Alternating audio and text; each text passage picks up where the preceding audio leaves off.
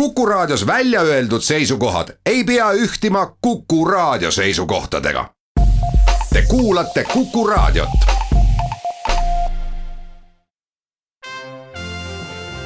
Tallinna Filharmoonia esitleb Filharmooniline huvitaja Eesti Muusikafondis seisis aastaid mapp number kakssada kaheksakümmend kaks käsikirjaline koopia Liik orkestripillid, teos Sümfoonia number üks. helilooja Tüür Erki Sven, loomisaasta tuhat üheksasada kaheksakümmend neli. tere päevast, head kuulajad! tänases saates jutustame loo, mis juhtus mapiga number kakssada kaheksakümmend kaks. suur rõõm on tervitada üle mere tänase saate külalist Erki Sven Tüüri, tere päevast! tere päevast! Me räägime siis kontserdist, mis on sel reedel juba Eesti Muusika- ja Teatriakadeemia suures saalis Kõrvaring kaks ja üks osa siis sellest on Erki Sven Tüür teie päralt väga erilises võtmes, sest te olete otsustanud oma esimese sümfoonia uueks luua. aga et selleni jõuda, siis äh, räägime sellest ajast. see oli ligi kolmkümmend kuus aastat tagasi, teie olite noor rokkar, ülikool oli lõppemas, elu oli ees. kui te mõtlete selle aja peale, siis milline mees te siis olite ja millest unistasite?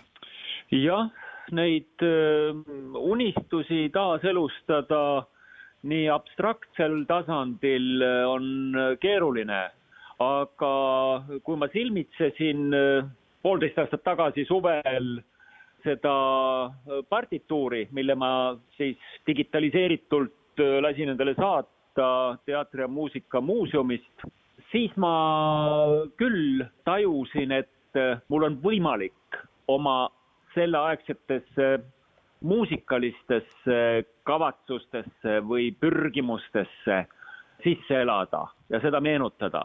Konservatooriumi ma lõpetasin äh, mitte viie aastaga, nagu tavapäraseks oli sellel ajal saanud või nagu see tavapärane oli, aga nelja aastaga, sest äh, mulle tundus, et mul ei ole seal nagu enam midagi teha. ja siis äh, diplomitööks oli tarvis kirjutada heliteos sümfooniaorkestrile ja, ja no ma niisuguses nooruslikus kogenematuses ja teatavat laadi sellele eale omases äh, uljuses äh, otsustasin, et mis ikka, et, et kirjutame kohe siis äh, sümfoonia selleks lõputööks, nii et ähm, jah, nii ta tähendab, läks muusikalise materjali mõttes. Oli ta lihtsalt ähm, loogiline jätk nendele instrumentaallugudele, mida ma olin siis oma progeroki ansamblile Inspe kirjutanud.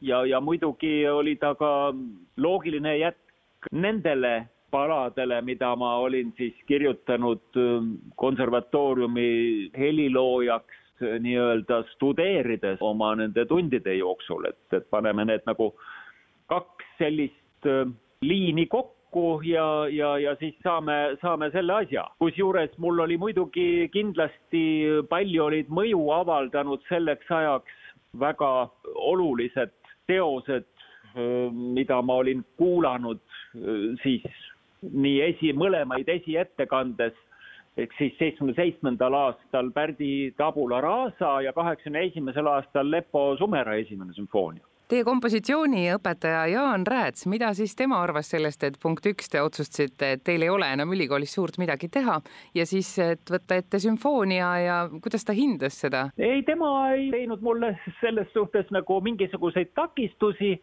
aga, aga samas äh, ta nagu ei kiitnud võib-olla heaks ka mu neid niisuguseid teatud liiki võib-olla tema arust liiga selliseid keerulisi lähenemisi, mida ma seal mõnes kihis orkestris tahtsin teha, kui ma soovisin seal nagu niisugust teatud elektroonilisi efekte orkestrisse laiali kirjutada mm, siis ta nagu ei leidnud seda või noh, ta ei, ta nagu jah, ütles, et miks ma pean asjad nii keeruliseks nagu ajama või et meil nagu väga suurt üksteise mõistmist nüüd selle teose juures ei olnud, eks see oli ka üks põhjus, miks ma läksin seda Lepo Sumerale näitama. see oli mul juba peaaegu valmis, see partituur ja, ja, ja siis oligi nii, et Lepo kirjutas võttis selle mõneks päevaks, jättis enda kätte ja peaaegu iga lehekülje kohta kirjutas pisikesele märkmepaberilehele küsimusi ja märkusi. ja siis me niimoodi arutasime kõik need asjad läbi, et selles mõttes ta, ta nagu sai aru, mida ma tahan. Aga jah, siis oli juba nagu sam-, samas oli nagu paljude muutuste sisseviimise jaoks juba hilja ja kõigele krooniks muidugi nüüd on kurb see, et ma kaotasin need äh, märkmed koos mõnede oma teiste oluliste paberitega ära ühe kolimise käigus. nojah, see selleks, aga iga, igal juhul sel hetkel oli see äärmiselt äh, üks oluline tähis minu jaoks.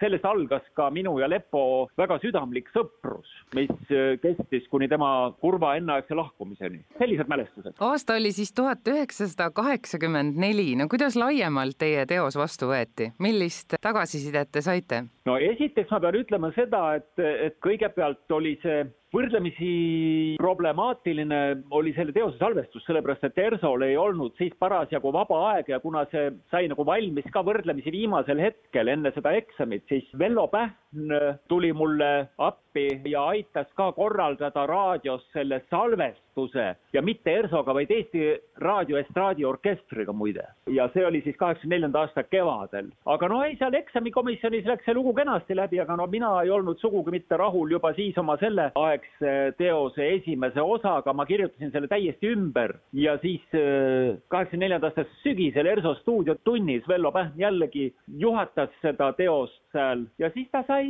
niisuguse, ma ei, ma ei mäletagi, kas sellest mingi arvustus ka kirjutati või hiljem on see jah küll olnud juba võetud ette koos mu teise sümfooniaga juba tunduvalt hiljem. Eevi Arujärv on kirjutanud sellise ülevaatliku artikli ajakirjas Teater, muusika, kino, aga jah, mul ei ole nendest vastukajadest suurt eriti palju midagi meeles. igal juhul äh, hiljem nagu igaüks võib näha, kes on äh, vaadanud mu ametlikku nii-öelda loominguregistrit, on see esimene sümfoonia sealt sellest loomenimekirjast kadunud ja kadunud just sellepärast, et ma ei pidanud seda õnnestunuks kohe algusest peale? noh, alates äh, kusagil sellest ajast peale, kui must ikka tegelikult nii-öelda tõsiseltvõetav helilooja nagu sai või kui no mingisugune rahvusvaheline tähelepanu hakkas tekkima hmm.. kas see ongi siis teid natukene kogu aeg kripeldanud ja te sellepärast mõtlesitegi selle uuesti teha või mis oli see ajend, mis pani teid uut elu andma sellele teosele? Aga just nimelt sellepärast, et kuna järjest äh, sagedamini äh, loen ma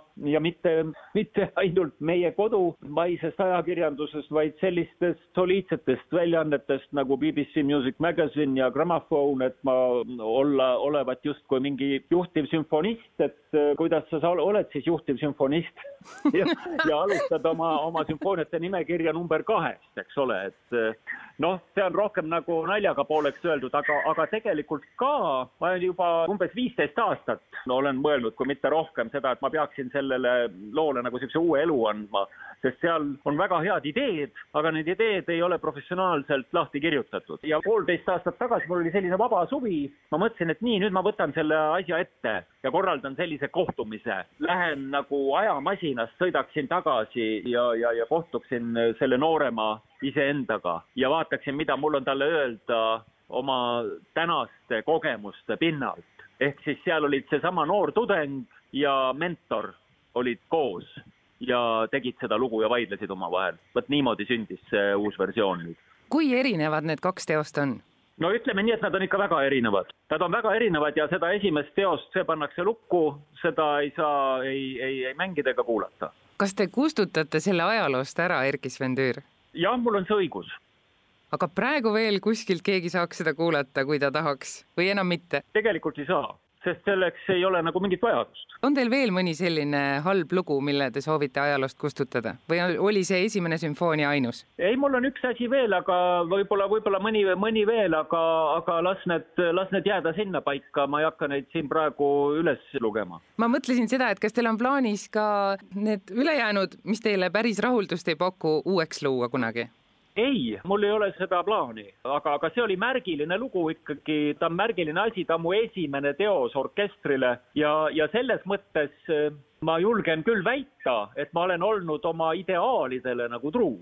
et selliselt, nagu ta nüüd kõlab, sellisena ma oleksin tahtnud, et ma oleksin ta kirjutanud, aga sellel ajal ei olnud mul selleks ei, ei oskusi ega kogemusi. et ma ei kirjutanud sinna juurde midagi sellist, millest ma siis ei osanud mõelda. ehk teisisõnu, ma ei kasutanud oma tänast helikeelt, kui ma seda ümber vormisin. teine osa on peaaegu muutumatult ka proportsionaalselt jäänud samaks, ma tihendasin seda ja esimeses osas võtsin ma välja mittevajalikku materjali, liigset ballasti, ühesõnaga see on ikkagi kirjutatud äh, lähtudes sellest olemasolevast materjalist, aga tuues ta esile ja pannes ta kõlama nii, et ta tõesti on nagu lõpuni mõeldult ja, ja professionaalselt läbi viidud. et mul ei ole seda nüüd piinlik ükstaskõik millise professionaalse orkestri kätte anda. jah, need, ütleme, esteetilised, niisugused kõlalised, helikeelelised ideaalid on teised võrreldes sellega, mis mul on praegu, kuid samas ta on ikkagi igati professionaalselt vormistatud. kui te selle loo uuesti üle kuulasite, kas midagi üllatas ka teid või kui hästi see teil meeles oli, kui täpselt? See oli mul ikka meeles kõik, ega seal mingeid üllatusi ei olnud, ma teadsin, mis sealt tuleb ja, ja ma lihtsalt mõtlesin, et nii, et mida ma nüüd selle, selle kõigega peale hakkan. siis on hea, kui nüüd on siis lõplikult valmis see teos, kas tal on ka uus nimi nüüd? ei ole, ta on äh, siiamaani esimene sümfoonia ilma, ilma igasuguse ülearuse pealkirjata sealjuures, sest äh, ei näinud ma seda siis vajalikuks, ehkki mul tegelikult küll oli, kuna ma ta kaheksakümne neljandal aastal kirjutasin, ma panin sinna, mul on selles esimeses partituuris jutumärkides tuhat üheksasada kaheksakümmend neli, mis siis äh, vihjab Orwelli samasuguse pealkirjaga hoiatusromaanile. see on lihtsalt kokkulangevus, et ma siis samal aastal, millest ta kirjutab, kus need sündmused juhtuvad, mis siis oli, kui tema seda kirjutas, oli veel kauge tulevik, aga ma lihtsalt äh, enda jaoks nagu kasutasin selle võimaluse ära, aga see jäi selliseks äh, väljaütlemata mõttemänguks. nii et siis juba kolme päeva pärast reedel, kahekümne esimesel veebruaril on teil kõigil head kuulajad väga eriline võimalus kuulata Erkki Sven Tüüri esimest sümfooniat uuesti sündinuna just nii, nagu ta peab olema, ligi nelikümmend aastat hiljem. ja selle kontserti selliseks teljeks võib-olla on siis ka muidugi Arnold Schönbergi ja teie varajane loomeperiood ehk siis selline õpetaja-õpilase teema on ka sel õhtul läbivaks.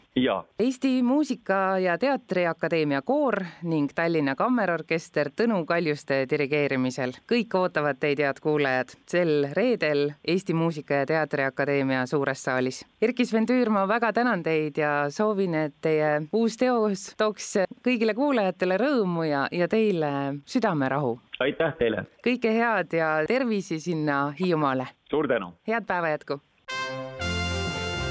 Tallinna Filharmoonia esitleb Filharmooniline huvitaja